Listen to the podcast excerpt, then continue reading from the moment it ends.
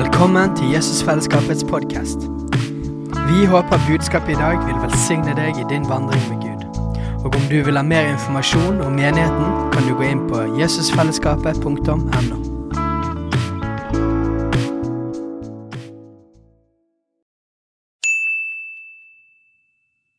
Hei! Visste du at Jesusfellesskapet starter en ny bibelskole til høsten? Den heter Jesusskolen og starter den 3. september. Gå inn på jesusskolen.no for mer informasjon. Du, oh yeah! Du, hvilken glede å kunne få lov til å være her. Så, altså, klarer dere mer, liksom? Klarer dere mer? Altså, Den kirken jeg leder, der, der skal jo vi være ferdig nå om fem minutter. Eh, så dette er jo veldig fint å kunne få lov til å være gjest her. Det må jeg si at det er. Har vi fått opp? Der har vi det. Åh, du vet, Hvis du er omreisende predikant, så er det alltid veldig mange ting du har lyst til å si i det du kommer fram. ikke sant, Svein? Altså, Da kjenner man at det er mange ting som ligger på hjertet. da. Og eh, jeg må jo si at eh, det gjør seg gjerlig her òg. Og eh, det er så mange folk jeg kunne nevnt med navn, som jeg er takknemlig for og har fått lov til å kjenne gjennom mange år. Og gikk jo på det som heter Veien bibelskole i 2011-2012. Så det er jo nesten et annet årtusen, men det er en stund siden. Eh, så dette er jo så mange jeg er så takknemlig for kjenner. Og ikke minst Steinar og Katrine. Og det er ikke alle som vet det, men han personen som snakket den kvelden jeg opplevde Den hellige ande, var Steinar. da. Og Det var i Sogn og Fjordane, over et fjell, gjennom en tunnel, over ei bru. Der var vi. Og så var vi en lørdagskveld som det måtte være, og så sa han at Den hellige ånd er virkelig. Og Da gikk jeg i åttende klasse, hadde vokst opp i denne sjargongen her og bare tenkte no way. liksom. Eh, og så sa han at hvis jeg ber åren komme akkurat nå, så kunne jeg falt i bakken med et smell. Og da tenkte jeg med meg sjøl kan ikke han være så snill å gjøre det? For det hadde vært kult. Han gjorde det ikke, men jeg møtte Den hellige ånd, og livet mitt ble forandret. selv om det ikke skjedde da. Men jeg har sett mye galskap siden, så det er bra. Men du, er super, super stas å være her. Og eh, vi har jo prøvd å få det her til en stund. Men eh, nå er jo ikke dere lenger bare samboere med Evangeliekirken, men nå er dere gift. Så nå er det ordnede former. Så da følte jeg det var trygt å komme i en slik tid som dette. Så det er veldig veldig bra. Du, eh, Det blir litt mer slides her. Eh, dette er familien min. Nå er de oppe og løper, men jeg har en sånn profetisk tegneegenskap. Så jeg har tegnet de der. Gift med Helene. Eh, hun er 30 år gammel, og eh, sammen så har vi Anna på fire og så har vi Jakob på to. De er noen intense velsignelser. Det er det jeg pleier å si, og det er sikkert flere som kan erfare det. da. Og så Sammen så venter vi noe veldig spennende. Vi har fått til noe til, så dette i januar så kommer det en ny velsignelse, og det gleder vi oss stort stort over. Det er jo en fantastisk ting når du planter kirke, og så tenker du at du skal få alle studentene ut til Åsane bydel.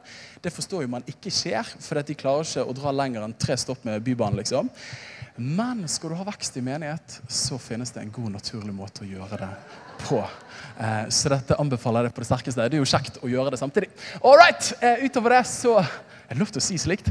Utover det, Dette er jo en kirke som er glad i podcaster, så jeg må bare slenge det fram. Men jeg har eh, ikke bare én podkast, jeg har tre, siden en er for lite. Så anbefaler de særlig Liv og lederskap. Der sitter jeg ned med en kristenleder hver måned og snakker med han. Og prøver å trekke ut alt gullet som jeg kan få. Det. Og det er egentlig egoistisk motivert å starte den. For jeg har erfart at kommer du til en kristen leder og sier at kan jeg få lov til å snakke med deg, så ser de på deg og så tenker de 'Hvem er du?' Men hvis du sier 'Kan jeg få lov til å ta opp en podkast med deg?' så er det bare 'Nå passer det'. Eh, så dette, det er veldig mye bra her. Så jeg klarte å hooke Steinar opp eh, på den podkasten faktisk òg. Det hadde nok skjedd uansett. Utover det, slå et slag for Bibel på podkast. Oh, dette er sånn tro og media-dag, men jeg er litt frimodig i dag med slidene.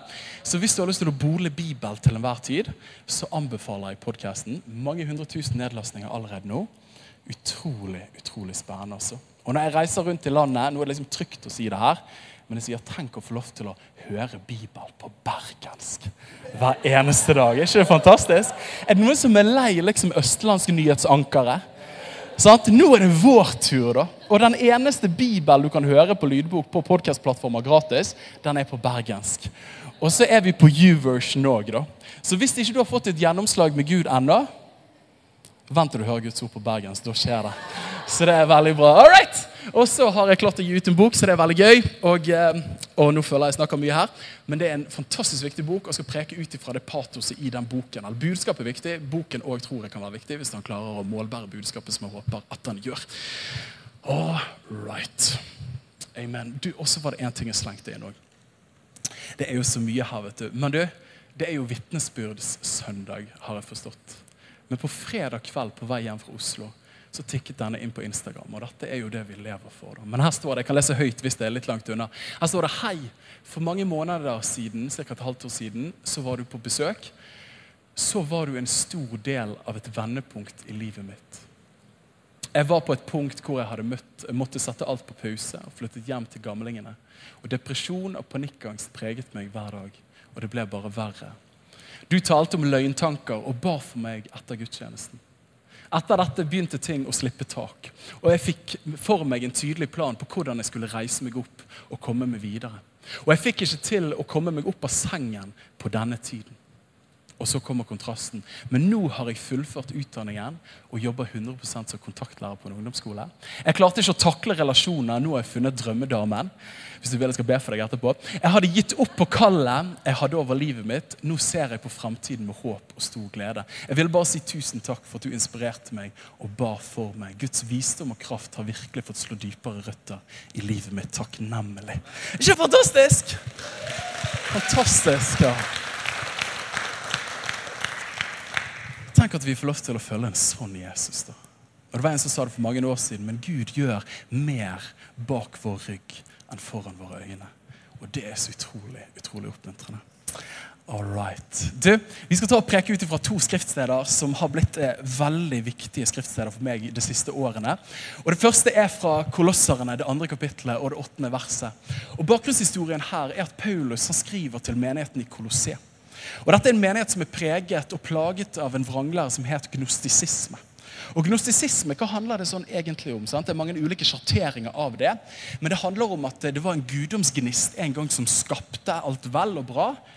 Og så er det vel at den fysiske verden var en glipp, og ikke minst den fysiske materien.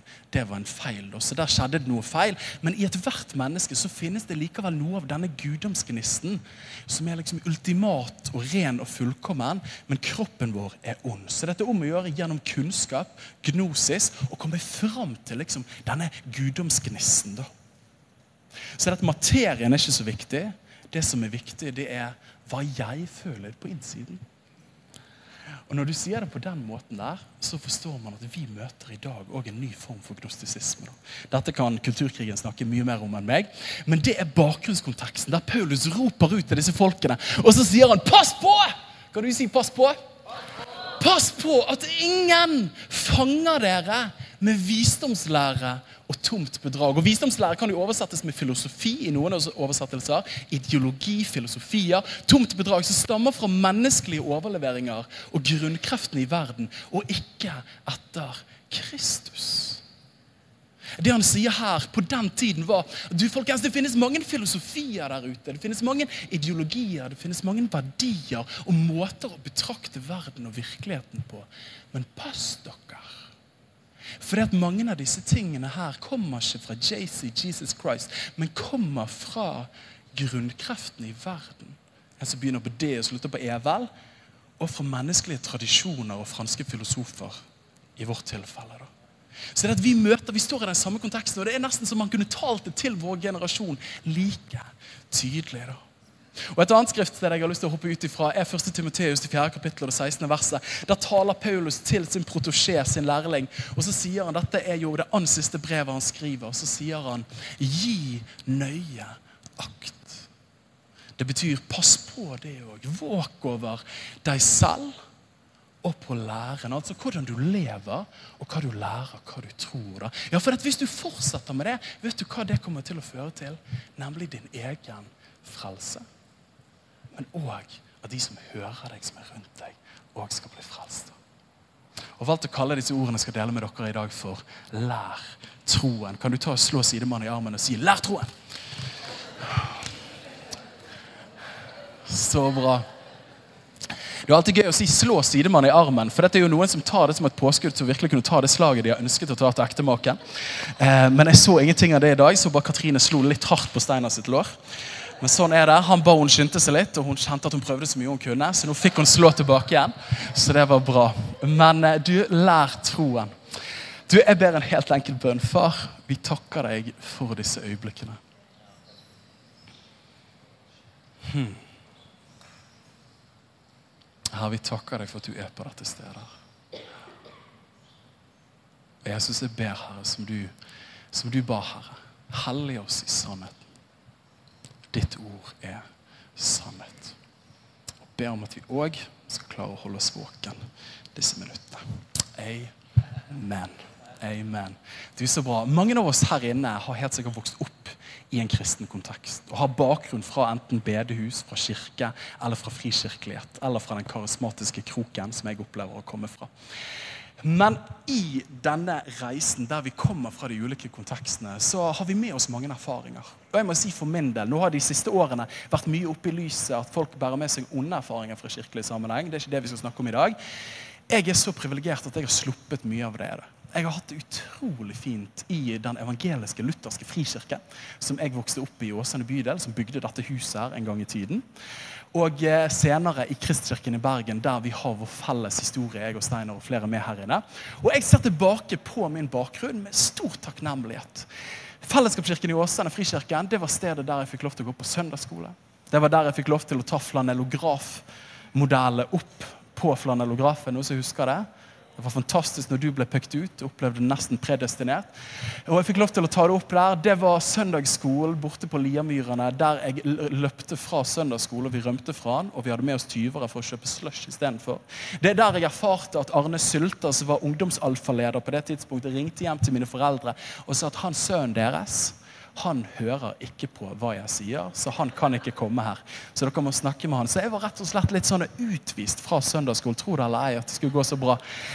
Så dette, Jeg har med meg disse tingene her. Det var stedet der jeg fant framtid, der jeg fant fred, der jeg fikk en erfaring av mening med livet osv. Ja, til og med dit hen at jeg fant min ektefelle der, Helene, som nå er der oppe. Spurte hun i syvende klasse, så lenge jeg kan huske så jeg kjente hun, spurte hun i syvende, skal, har du lyst til å bli kjæresten min. Det var gjort på melding. det var vel å merke, det er jo litt tryggere. Så spurte hun på melding har du lyst til å bli min kjæreste. Og så sa hun nei, vi skal bare være venner. Det er et tøft slag. Og så begynte vi på ungdomsskolen og så begynte vi på videregående, eller ungdomsskolen, hun ville ikke snakke med meg. Så dette var vanskelig å være venner. Så dro hun til Nord-Trøndelag og så kom tilbake tre år senere. Og da åpnet Herren hennes øyne eh, for det fruktfatet hun hadde framfor seg. Og så er resten historie. da. Så dette jeg ser på, tilbake på oppveksten min med stor, stor takknemlighet. Fruktfat, ja, den var litt mye av det gode. Men hva? Det er viktig å snakke sant. Men uansett. Men jeg tror en av de tingene som jeg ser tilbake på med størst smerte, da, det er alle de menneskene som man en gang fulgte Jesus sammen med, men som ikke lenger vandrer sammen i etterfølgelsen av Jesus. da. Eller som man en gang, sant? og Vi har jo vokst opp i en konferansemenighet Kristkirken, der det kom amerikanske predikanter og profeter. og liksom Hvor mange ganger kanskje man relaterer til idet det de står liksom lørdagskveld, så det må være, for da kommer Den hellige ånd og sier liksom If you're here tonight and you want to dedicate your life to Jesus and go to the nations Og vi bare Ja! Det er meg! Og så tok vi hverandre i hendene og så løpte vi fram og dedikerte livene våre til Jesus. Og man bare tenker at vi Altså, En ting er tidligere generasjoner, at de ble litt lunkne, at de ble liksom forført av ideologier og filosofier. og sånt, Men vår generasjon det er noe helt annet. For at vi har iPhoner, vi brenner, og vi har kule Hillsong-plater. Så dette kommer til å gå bra! Og så ser man det idet man har blitt 20, 22, 25, 27, 30. Så ser man at de man en gang lå på kne foran alteret og sa at herre, vi skal gå til endene av verden, ja, kanskje til og med til Tromsø. Så ser man på siden, og så ser man at hvor er de nå, da? Og Etter å ha vært med å lede ungdomsarbeidet i Kristkirken Kanalu, og etter å ha fått lov til å lede en menighet i 20-årene mine og reist mye og prekt i ulike steder i dette landet, så tror jeg det er den største sorgen. At de som en gang ga sitt ja, men som i dag ikke er blant oss. Og jeg vet at For mange her inne handler det kanskje om barn og barnebarn osv. Og Det var en studie som ble gjort i 2011 som het You Lost Me, en bok som kom ut i USA fra Barna Research Group. Og De fant at 70% av de som har vokst opp i evangelikale menigheter, type sånn som dette her, når de kommer til midten av 20-årene, så er de ikke lenger en del av et kristent fellesskap. 70% mine venner. Det betydde ikke at alle hadde mistet troen, men de så ikke meningen av å være en del av et kristent fellesskap. Så var det tre primærgrunner til det. Det var at de ikke så koblingen mellom tro og arbeid. Og det var en lite kobling mellom generasjoner. Og så er det den største en mangel på disippelgjøring. En mangel på disippelgjøring. Og i forrige uke, eller det var vel denne uken her, så skrev Dagen om en studie fra, fra Sverige som heter at 'Troen på glid'. Hvis det er rett uttalt. Ikke rett meg hvis det er feil. Og Der sa de det at de hadde fulgt 330 ungdommer som var aktive i ungdomsarbeid i pinsebevegelsen og evangeliske frikirken i Sverige i 2010. Og så så de i dag at hvor mange som var aktive, var 118 stykker. Rett over en tredjedel. Altså ganske parallelt da, med den amerikanske studien. Og er ikke det bare en tragedie? Mener? Og det er det jeg har lyst til å snakke litt om i dag. Helt enkelt, og Mange svar kan bli gitt, men hvorfor mister mange troen? Og hvordan kan vi ha en tro som varer? Mange svar kan bli gitt, men jeg tror at noen ting jeg har lyst til å løfte opp her i dag, som får lov til å adressere disse tingene, som er egentlig patos. Det kom Anders kom i sted og sa han, 'Hvorfor skrev du egentlig boken?' Og så skrev jeg. Så sa jeg, 'Du må høre etter i talen, for dette skal jeg dele det'. Så nå kommer det, Anders. Men du, La oss ta og diagnostisere litt. Grann. Hvorfor mister mennesker troen? Hvis vi begynner med det negative. Og Jeg har valgt å kalle det kokt frosk. Dette er jo ikke vitenskapelig etterprøvbart. Du bør ikke prøve det. Men jeg kan jo spørre av interesse. Hvor mange her inne er det som tenker av og til på hvordan kan jeg koke en frosk levende? Er det noen? Ingen som har gjort det? Bra! Bra! Men hvis du skulle få det for deg en gang at vet du hva, jeg har så utrolig lyst til å prøve å koke en frosk, eh, så sier man det at skal du koke en frosk levende, så tar du ikke sjel og fyller den med vann og varmer den høyt opp. Og så sier du til lille frosken nå kaster jeg deg oppi, for jeg har lyst til å spise deg. Og idet du kaster frosken oppi der, det som da er den umiddelbare refleksen, er at den hopper ut igjen. For han tenker jeg har ikke lyst til å dø. Men hvis du skal klare å koke denne frosken, hva må du gjøre da? Da må du ta en kald kjele med kaldt vann. Så tar du han oppi der, og så tenker han, å, så snill de var med meg. at de ga meg kaldt, friskt vann. Og så skrur du gradvis opp temperaturene der. Og hva er det som skjer da? Uten at Froggy merker det, så koker han i hjel i sin egen jacuzzi. Det er jo forferdelig. Nå er jo ikke dette noe du bør prøve hjemme, men, og jeg tror ikke den er vitenskapelig. Det er en myte. Jeg måtte sjekke det når jeg skrev boken. Men det som er sant, er at det er en treffende, smertelig, slående illustrasjon for store deler av det kristne folket i vårt land i denne tiden og i Vesten. At uten at vi merker det, så koker vi en sekulær suppe og Det slår meg av og til når jeg er sammen med eldre kristne mennesker som har vokst opp i en annen tid. Sant? Og Vi kan jo le litt av at hadde ikke dere lov til å ha fiolin? liksom? Kunne ikke dere spille kort? Eller kunne ikke dere gå på kino? liksom? Herlighet, utrolig kleint, liksom. Og så kommer vi liksom Ja, bestemor! Dette er en sann historie, da. Men vi hadde jul for en del år siden. Eller vi har for jul hvert år, men vi feiret jul for en del år siden hjemme med bestemor. Og så hadde, var hun på besøk fra Volda. Da. Hun er en god bedehusdame. Da. Og så så vi liksom på et NRK-program på kvelden der. Og det var jo sånn her, Jeg tenkte liksom, ok, det er jo noen dristige elementer inni dette her, liksom, men dette går jo fint. Vi er jo tross alt i 2018. Og så ser jeg bort på bestemor, og hun er ikke liksom karismatisk kristen med svart belte, type sånn vi her, men liksom trygg bedehusdame. Og så så på det. Og så bare ser jeg blikket hennes etter hvert bare går ned sånn. Og sånn at Hun sier jo ingenting, men jeg forstår jo at dette her er jo langt forbi hva et kristent menneske bør kunne se på. Og jeg kjente jo meg så convicted akkurat der. For hva var greien? Jo, uten at jeg merket det, og vår generasjon òg, at vi har blitt så temperert til så mange av de tingene som er rundt oss, at vi ikke reagerer engang. Og da å møte et annet tidsfitte fra en annen generasjon som liksom kunne liksom Martin Luther sin lille katekisme og kjenner at dette er på innsiden, kjenner at hvordan i alle dager kan dere se på dette? Jeg blir utfordret og overbevist. Så dette er En av de store utfordringene til at folk mister troen, er nettopp dette som handler om kokt frosk. At uten at vi merker det, så eksponeres vi for så utrolig mange inntrykk som preger oss mer enn vi liker å innrømme. Det var en undersøkelse fra universitetet i San Diego som fant det at hver dag så blir vi utsatt for 34 gigabyte med informasjon.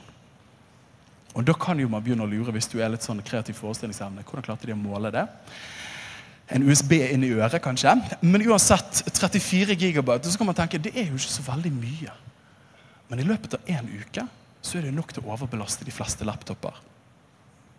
Og Det tilsvarer den samme studien viste, at vi blir utsatt for 105 000 ord hver eneste dag som møter vårt øye. Det tilsvarer 23 ord i sekundet i 12 våkne timer. Hva er poenget? Poenget er at vi utsettes for et vanvittig trykk med informasjon som ingen generasjon noen gang tidligere har blitt eksponert for. Om vi er klar over det eller ei, men vi alle deltar i et stort globalt prøvekanineksperiment. Og så gjenstår det å se om dette her faktisk går fint. da. En psykologiprofessor på Northwestern University sa at fortvil ikke. Hjernen vår tåler 2,5 petabyte med informasjon. Så dette kommer ikke til å overloade med en gang. Det tilsvarer 3 millioner med TV-serier-timer. Så noen av dere har to episoder igjen.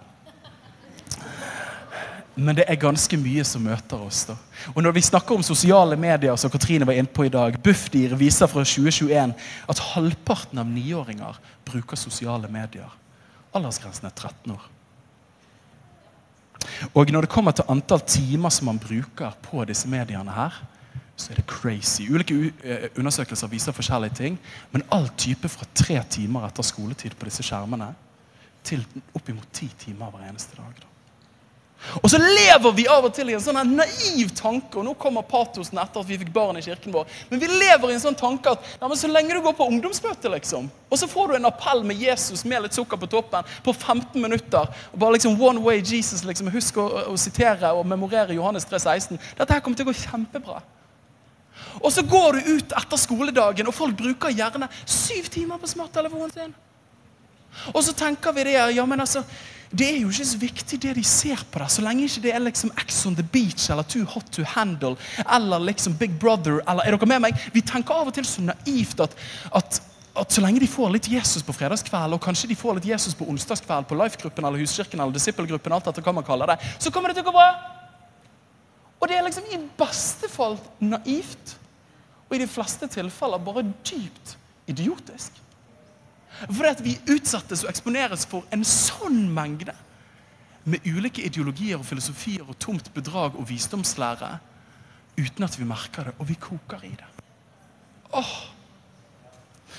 Og nå skal jeg være litt ærlig med dere, men jeg husker for en del år siden når jeg gikk i dette ungdomsarbeidet, som ble nevnt flere ganger, at noen i dette ungdomsarbeidet ikke fikk lov til å se på istid. Og jeg bare tenkte herlighet, liksom. Hvilket pietisthjem de måtte komme fra. Og da var argumentasjonen fra faren da, at har dere sett hvordan Manfred behandler Sid i istid? Nå er det noen som smiler litt forsiktig. For hva er det som skjer der? Han er jo sarkastisk på steroider. Altså, Han er jo skikkelig frekk mann og stygg mann. da. Det er jo sykt gøy å se på. Men da var jo poenget hans at du eksponerer deg for en holdning og en samtalemåte som ikke er kledelig for en kristen person som følger Jesus. Og jeg har tenkt litt sånn i min naivitet at så lenge det vi ser på, ikke er liksom Ex on the Beach eller Too Hot to Handle eller liksom Eksorsisten på Netflix, men så lenge det er bare nøytralt, så går det da bra. Men vet du hva, En av de tingene som har blitt en øyenåpner de siste årene, er at tanken om nøytralitet, objektivitet, at de ikke har et verdibudskap, det er bare pur gøy fra Hollywood. Det er jo bare tøys. Alt vi eksponeres for, bærer et budskap. Enten i tråd med sannhet eller med løgn, eller det verste av alt, en blanding. Så man klarer ikke å skille det. da. Og jeg har jo en datter som heter Anna. Og hun elsker jo en film som heter Frozen, som handler om Anna og Elsa. Can I get a witness? Er det flere her inne? Sant? Vi bekjenner det kollektivt. Men vi tenker liksom Og de har jo en anthem som har tatt verden med storm. Let it go.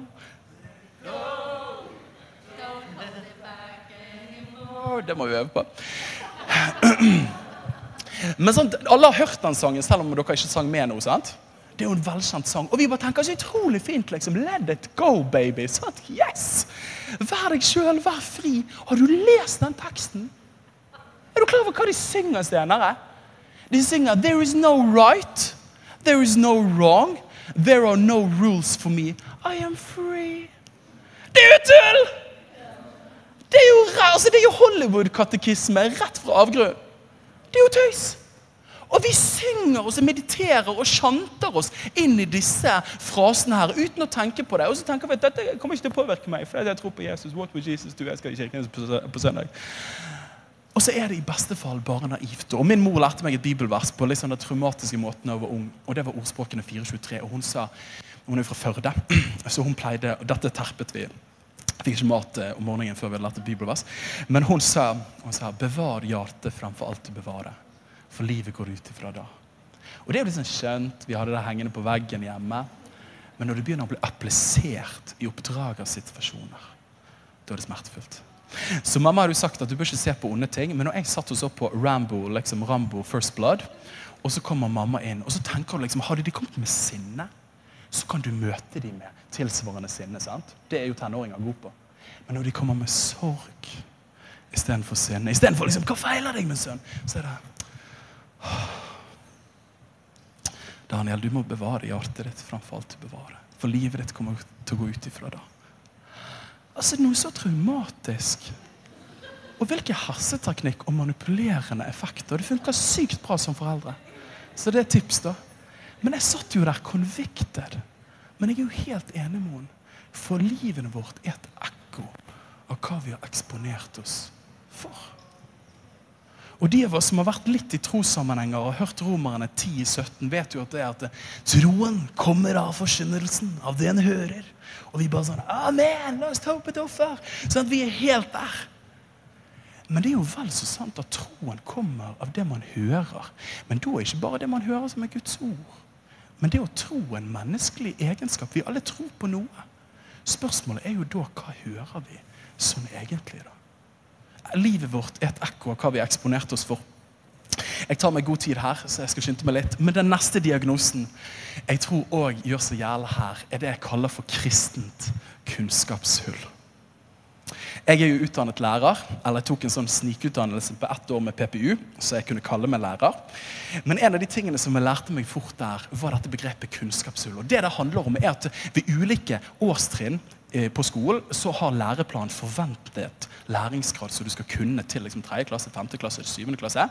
Men hvis du da kommer til det trinnet og av ulike årsaker ikke har tilegnet deg den kunnskapen du burde, så er det et hull i kunnskapen. Det vanskeliggjør da videre kunnskapsvekst, fordi du mangler det nivået du burde vært på før du bygger videre. sant? Med meg?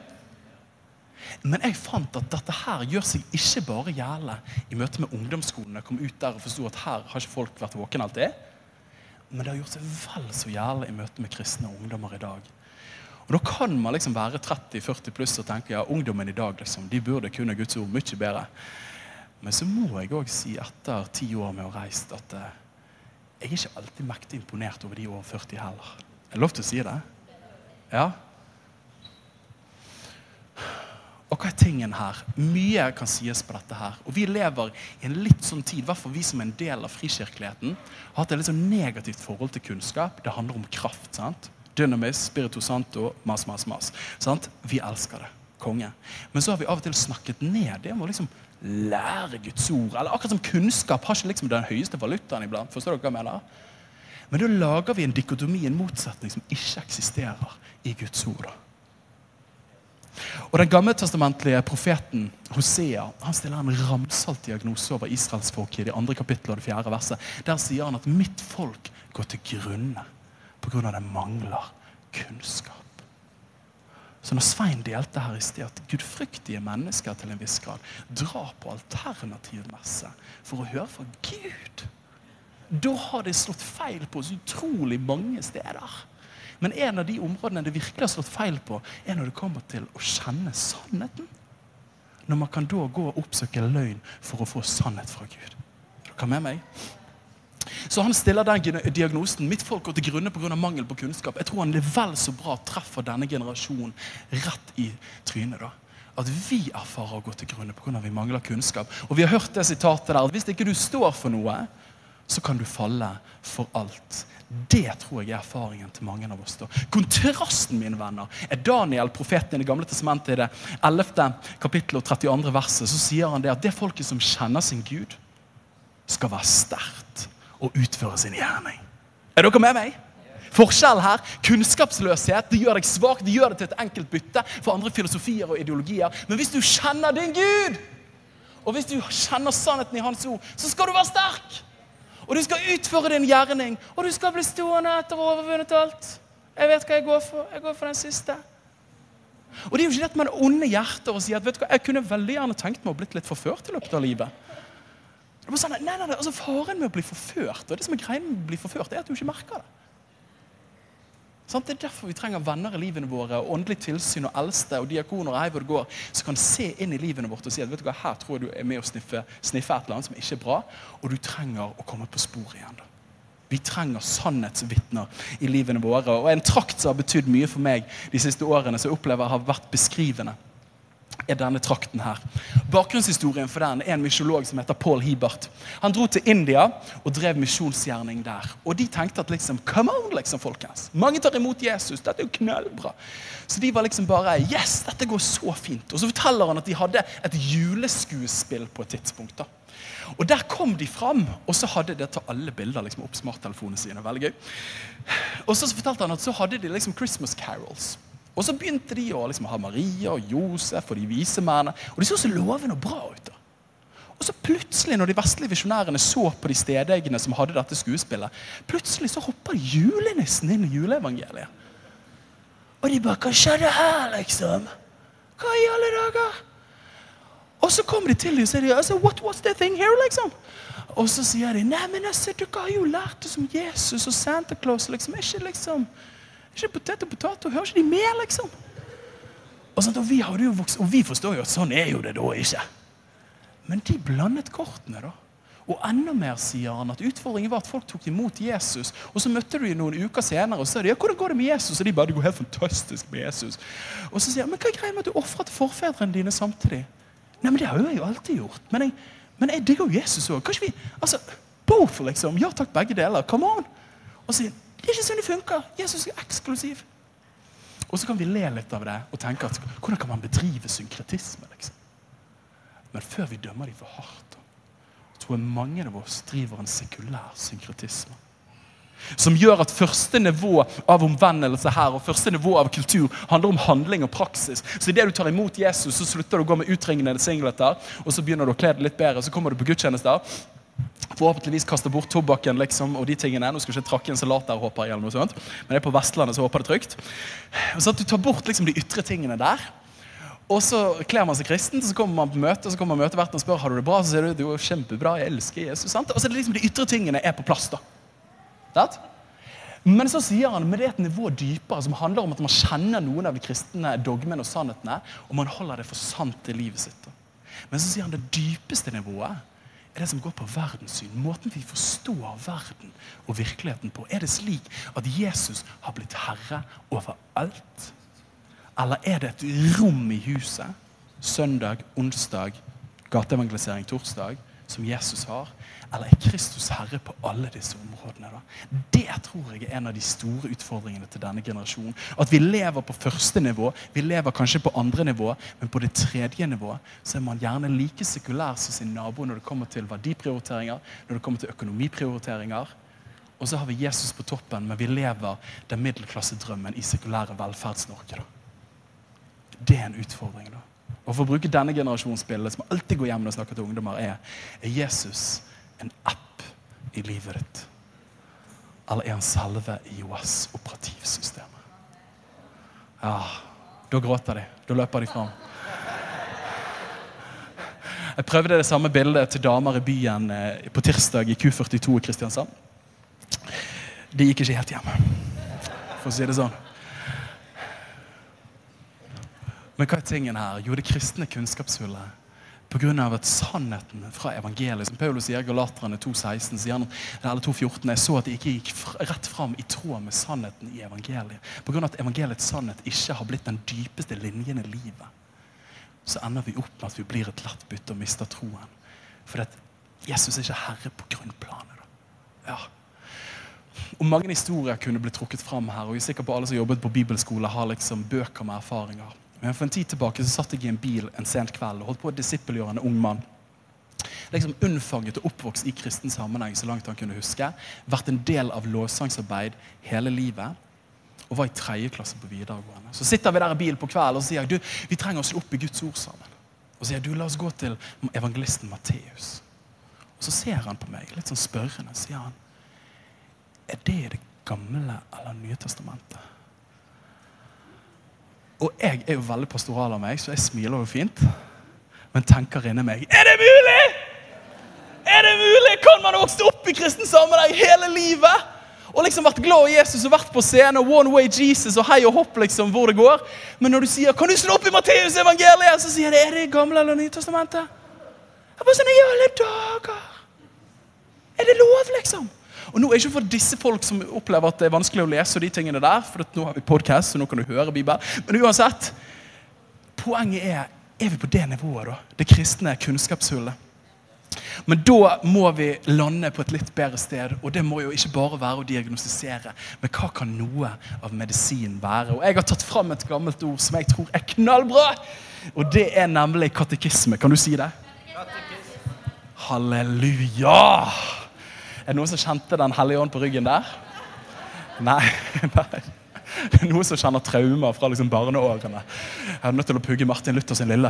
Men eh, katekisme, hva går det i? Jo, mange ting. og som jeg sa, Det er ikke uttømmende det jeg preker om i dag. Men jeg tror at dette er en viktig faktor i det. Og ikke bare hvordan ikke miste troen, men hvordan kunne bevare troen. Og da tror jeg noe av medisin er det som omgår katekisme. Det er latinsk, og det betyr helt enkelt undervisning. Det betyr å bli opplært. Og Tankene går til Paulus sin hilsen til Timoteus, der han sa at pass, gi akt på deg selv, altså måten du lever på, men òg på læren. Hva tror du? Hva lærer du? Hva kommuniserer du? Hva tenker du? Hva er det som har råderett i ditt refleksjonsrom, i ditt hjerte? Katekisme. Og jeg må si at september 2020 så fikk jeg et crash course i katekisme. For tankene mine gikk jo tilbake til begynnelsen av, eller midten av 1700-tallet. første halvdel der, og jeg bare tenkte at Det må ha vært forferdelig for folk å vokse opp på den tiden. der.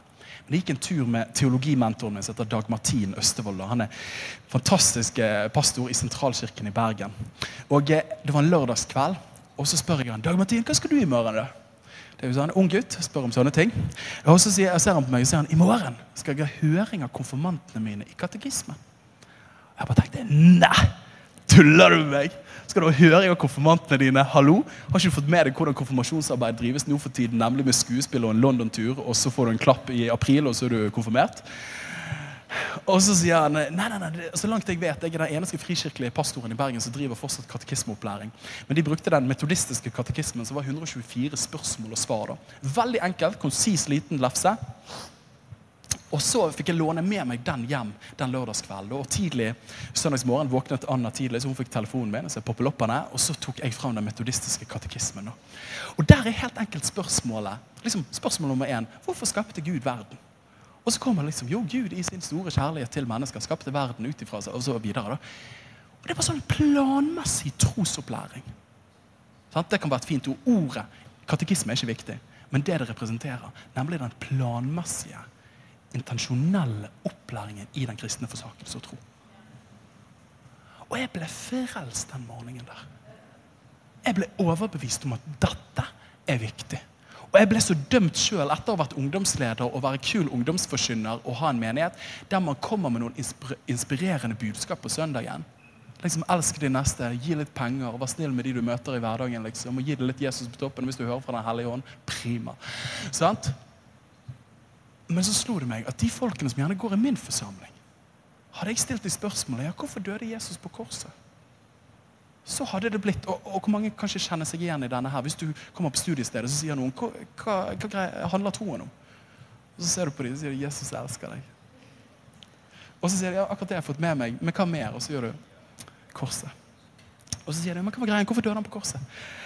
Jesus elsker deg. Og så er vi tilbake igjen, da. Og så er det akkurat som man er ikke flytende i evangeliet var litt sånn analfabet på det området der. Og William Lane Craig, en av de store kristne filosofene i vår tid, han sier at vi oppdrar den kristne generasjonen akkurat med sånn gummisverd, plastikksverd. Og så er det kjempegøy inne liksom kirken og på søndagsskolen. dra på leir på Dyrkolbotn. Og liksom, ja, Johannes 3, 16, bom, liksom. Og så er liksom Filipperne 4.13. Alt makter du i han, come on. Og så kommer du på studiestedet ditt og fakultetet, og så kommer foreleseren i humanistisk teori. sant? Og så kommer han og sier er det noen som er dum nok til å tro på Gud her inne. Og så tar du opp plastikksverdet ditt meg. Og han kommer da med en slegge og knuser deg. Og så står du der etter hvert med liksom, This little light of mine, I'm never gonna let it shine again. Hvis det fortsatt brenner, da. Hva er greien? Vi har plastikksverd, men det er brutalt der ute. Pga. vi ikke kjenner den kristne tro, så er vi et lett bytte for alle andre lærdommer. som Paulus sier. Derfor sier han gi da nøye akt på læren. Vit hvem du tror på. Som 2. Timoteus 1,12. Der sier Paulus han sier jeg tåler lidelse. Hvorfor det? For jeg vet hvem jeg tror på. Så jeg kan tåle smerte, jeg kan tåle utfordringer, jeg kan tåle anfektelser fra mennesker rundt meg. Hvorfor det? Fordi jeg kjenner troen. Den er så fundamentert. Jeg vet hvem jeg tror på! Så gjør det ikke et lett bytte. Fordi jeg kjenner læren, da. Og Dette tror jeg vi trenger i en generasjon som dette her. da. Og jeg må innrømme at jeg tenkte at dette er litt sånn en lovisk opplegg. til å lære de opp i den kristne tro. Men er du klar over at leser du Det gamle testamentet? Hvor mange ganger Gud gir imperativet til den oppvoksende slekt. Lær neste generasjon om mine velgjerninger. Sånn at de ikke glemmer meg. Og vet du hva? De gjorde det gjennom GT, mer eller mindre med suksess. Men den største hovedårsaken til å drive trosopplæring er Jesus, faktisk. I Matteus 28 der sier han misjonsbefalingen å lære dem å holde alt det jeg har befalt ham. I alle dager, Det er Jesus som gir befaling om at vi skal drive med trosopplæring. Katekisme, for den del. da. Og De første kristne i Ålkirken drev med disse tingene, så du fikk ikke bli døpt med mindre du hadde vært på introkurset i kristen tro som var katekisme, som handlet om De ble kalt katekumener. De var trosopplæring de bedrev. da. Og det har Kirken gjort gjennom nesten 2000 år. Helt til egentlig de siste tiårene, der vi tenker at nå har vi iPhoner, nå har vi elbiler, og nå har vi masse underholdning. Så nå slipper vi akkurat det der. For nå kan vi gi det inspirasjon istedenfor instruksjon. Oh my friends, altså det er jo en oppskrift på å miste en generasjon, som jeg dessverre tror vi har vært med å høste allerede nå. da. Hvis det er en generasjon som trenger det mer enn noen annen generasjon, så må jo det være vår generasjon. ikke sant? Så hvis du som spiller tangenter har lyst til å komme opp på slutten her, så er det helt snadder. Så kan vi lande dette møtet. Eller gitar. Men sant, vi lever i en tid der det store ordet og Hvis dere har hørt på Kulturkrigen til Stein og Ralf Kåre, så har dere lært ordet postmodernisme. Og Det er jo et ord, og det er liksom en av de fremste dogmene i den tiden vi lever i i dag, er at det er ingenting som egentlig er sant. Ingenting som egentlig er sant. Det som er sant, det er subjektivt. Det er det du føler for. Det er konstruert, osv. Og, og da lever vi litt i en sånn tid som dette her, som sier at eh, akkurat her hvis du ønsker det, så har ikke det nødt til å være to trinn ned her. Hvis du ønsker det, så kan du faktisk bare fortsette ut i denne høyden. Hvis du finner det best slik, da. Henger dere med meg der? Og så er tingen det, da, at så lenge majoriteten sier det, så later vi som om det er sant. da. Derav ord som politisk korrekthet. At, at slik er det bare. Men hvis det er én ting som er sikkert, så er det at sannhet er som tyngdekraft. Om du liker det eller ikke, reality will hits you. da.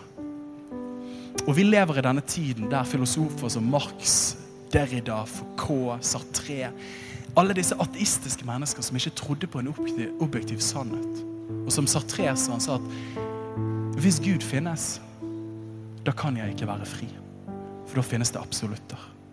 Men nå er jeg fri siden Gud ikke finnes. Men det er ikke tilfellet, da. På grunn av at Gud finnes, på grunn av at det finnes absolutter, derfor kan jeg bli fri. Og vi lever i en tid der vi sier at det er ikke noe risiko med å gå utenfor her. Men den kristne troen kommer og sier diametralt motsatt og sier at det er noe som er sant. Og du trenger å lære den troen. Du trenger å lære den sannheten. For hva er det som er best for oss? Hvis sannhet er det som samsvarer med virkeligheten, er det best for oss å leve i en fantasivirkelighet?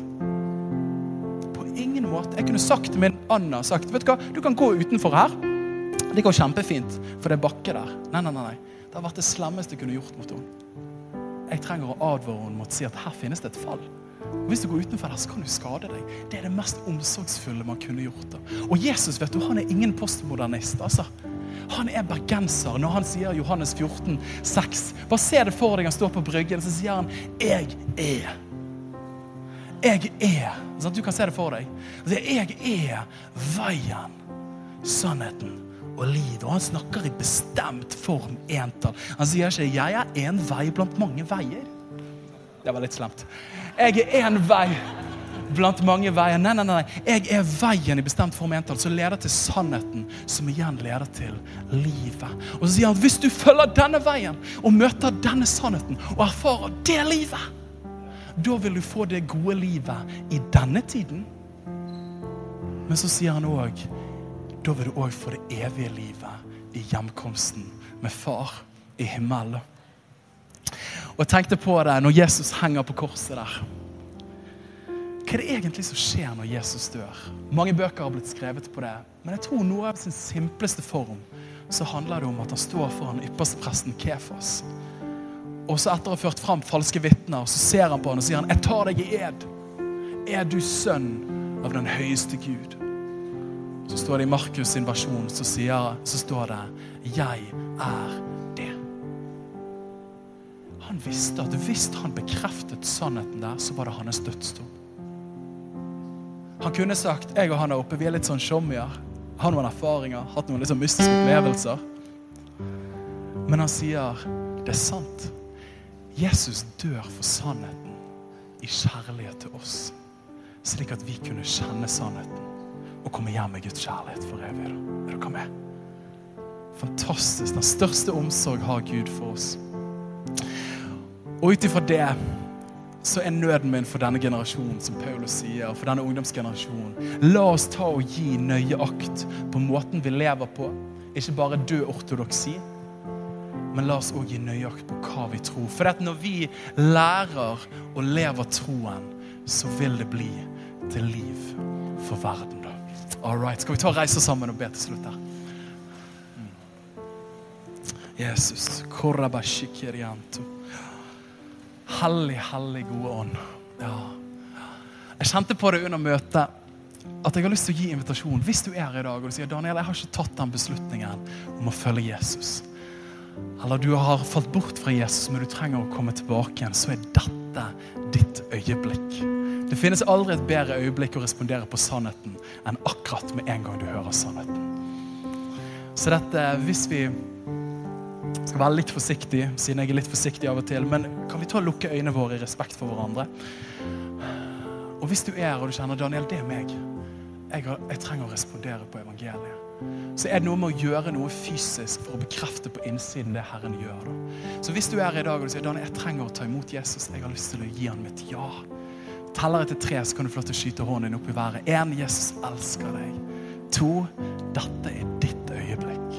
Og tre, hvis det er deg, så kan du ta hånden din forsiktig opp hvis det er deg, eller frimodig opp. Ja. Mm. Takk, Herre. Ja, Jesus.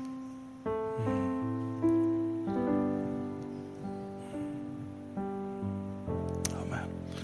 Ok, Hvis du uansett er her, så ta og vær med i ditt hjerte når vi ber en bønn. Jesus, takk for at du døde for våre synder og oppsto til vår rettferdiggjørelse.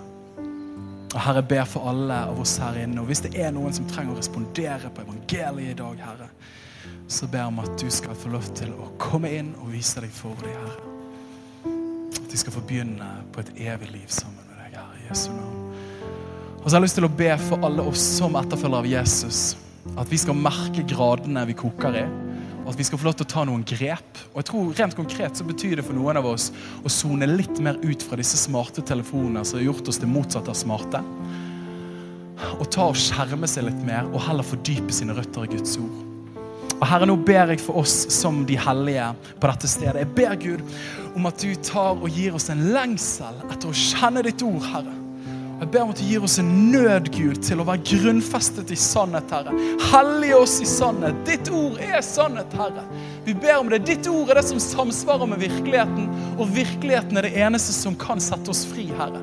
Jeg ber om det, Jesus, for alle og enhver av oss her inne. Og jeg ber om at du, Hellige skal tale konkret til områder av livene våre, til praksiser som vi holder på med, som trekker oss bort ifra deg, og ikke til deg, Jesus. Jesu navn. Og jeg ber, Herre, som et fellesskap, la oss be. Herre, reis opp en generasjon.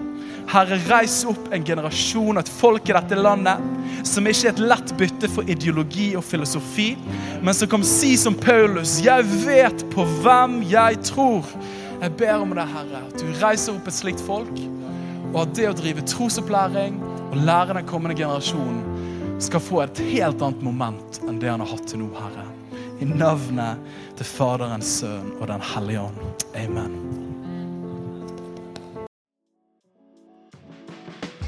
Hei, alle sammen. Det er Katrine og Steinar Lofnes her. Vi er hovedledere for Jesusfellesskapet. Så kjekt du har lyttet til denne podkasten. Har du forresten hørt noen av de andre podkastene våre? Ukens tale, Disippelskolen, Hyrdepodden, Kulturkrigen og Mammas hjerte. Du finner disse podkastene på Spotify, Apple Podkaster og på nettsiden vår jesusfellesskapet.no.